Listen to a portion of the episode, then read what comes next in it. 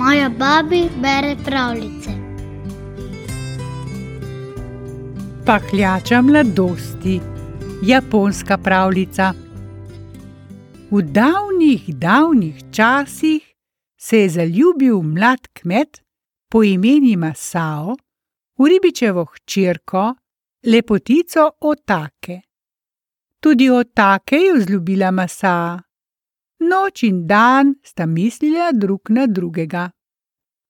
Nekoč je Masao srečal deklico in ji rekel: Jutri bom poslal k tvojemu očetu snupce z darili. Otake je veselo stekla domov, a doma jo je čakalo gorje. Pri očetu je bil v gosteh star, bogat trgovec, ki je dejal: Menda še veš, da mi dolguješ sto rjojev. Ribič se je priklonil trgovcu in rekel: Kdor pozablja na svoje dolgove, zasluži, da ga vržejo ribam. Če je tako, mi v enem dnevu vrni ves moj dolg, drugače te dam zapreti. Ubogi ribič je jel prositi. Ne pogubi me, usmili se vsaj moje hčerke. Tedaj je rekel trgovec: V redu, prizanesel ti bom, a samo z enim pogojem. Jutri osorej mora biti otake moja žena. Po teh besedah je starec vstal in odšel. Zjutraj, ko so prinesli Masaovi snupci otakinemu očetu darila, so izvedeli, da se bo jutri deklica omožila s starim trgovcem. Pohiteli so k Masau in mu sporočili britko novico. Ko je Masao to slišal, je stekel k ribiču. Pred očetom prelepe otake se je vrgel na tla in ga rotil. Ljubim tvojo hčerko, življenje bi dal za njo. Daj mi jo za ženo in prisegam ti, da ne bo nikoli prelila niti ene solze. Ribič je vzdihnil in dejal: Ali imaš sto rjojev, ali lahko plačaš moj dolg trgovcu? Me lahko rešiš ječe? Nič ne pomaga, pojutrišnjem bo morala otake zapustiti moj nesrečni dom. Masao je obupano vzkliknil. Raje oslepim, kot da bi videl otake omoženo s tem izprijenim in lakomnim starcem. Še istega dne je zapustil rodno vas. Nameraval se je naseliti v sosednji pokrajini. Mnogo ur je hodil brez oddiha, in noč ga je zatekla v gozdu. Mladi kmet si je našel veliko votlo deblo, zlezel van in zadremal. O polnoči ga je prebudil glasen šum.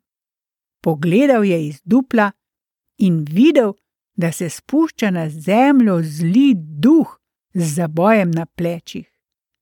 Zli duh je obstal pri sosednjem hrastu, odprl zaboj in privlekel na dan častitljivega starca. Na to je hudobno zatulil, pograbil starca in ga trdno privezal k hrastu. Zazdehal je in dejal: Zaspal bom, ob zori se bom zbudil in te požrl. Še enkrat je zazdehal, potem je položil poleg sebe meč in v trenutku zasmrčal. Masao je iz svojega dupla videl, kako je poskušal starec raztrgati vezi. A zli duh ga je bil tako močno privezal, da je bil ves njegov trud za manj. Tedaj je zlezel Masao iz debla, se brez šuma splazil k starcu in prerezal vrvi. Še isti hip je osvobojeni človek stekel k speči pošasti, pograbil njen meč in jo prebodel. Potem se je priklonil Masau do pasu in dejal: Plemeniti človek, rešil si mi življenje, bogato te bom poplačal. S temi besedami je potegnil starec izza pasu mrtve pošasti pahljačo in se začel pahljati. In glej, v trenutku je stal pred Masaom krepak mlad moški.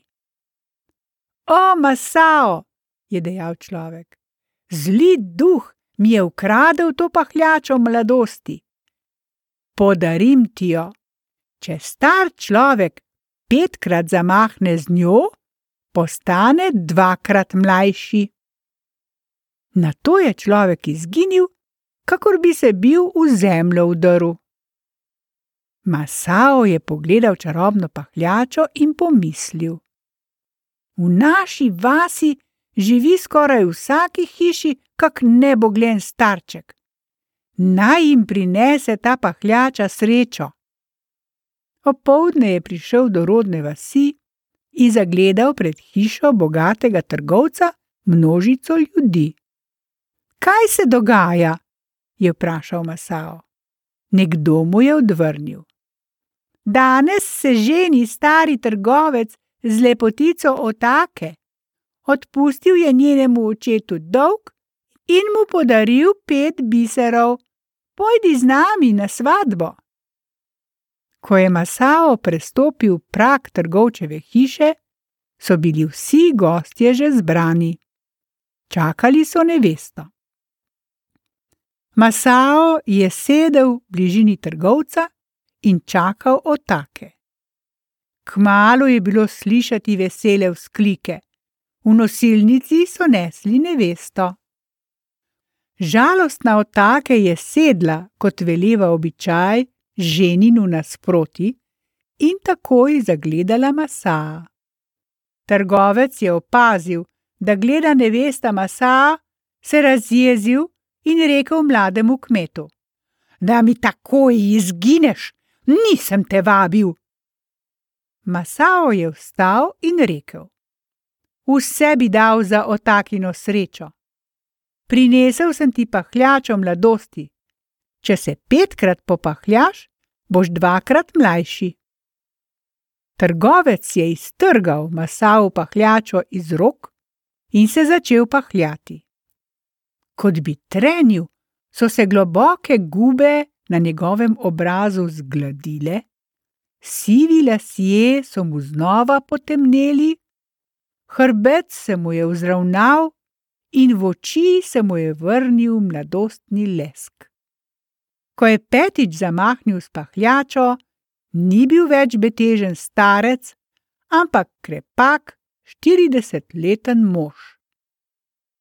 Zdaj pa mi, prosim, vrni pahljačo in odšel bom, je rekel Masao.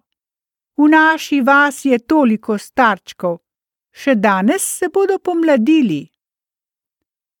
Nočemo stati štiridesetleten moški. Rad bi bil prav tako mlad kot si ti. S temi besedami je šestič zamahnil s pahljačo.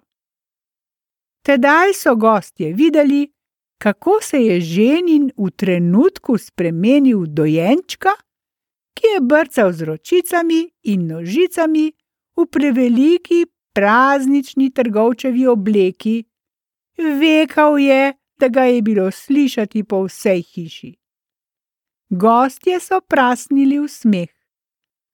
To ti je ženin, vse bi bilo v redu, le da temu ni potrebna žena, temveč pestrna. Masao pa se ni smejal trgovcu. Stopil je k takinemu očetu, mu ponudil pahljačo in rekel: Na, tu imaš moje svatovsko darilo. Povej mi, kaj več velja: mladost ali pet biserov. Tedaj so vsi starci, ki so prišli na svatbo, zaklicali: Mladost je na vsem svetu najdragocenejša. Otakin oče je sprejel svatbeno darilo in takoj naslednji dan sta praznovala svadbo Masao in Otake. Povabila sta vso vas, samo trgovca ni bilo. Pa kako bi tudi mogel priti, ko pa še ni znal hoditi in je ležal doma, povit v plenice.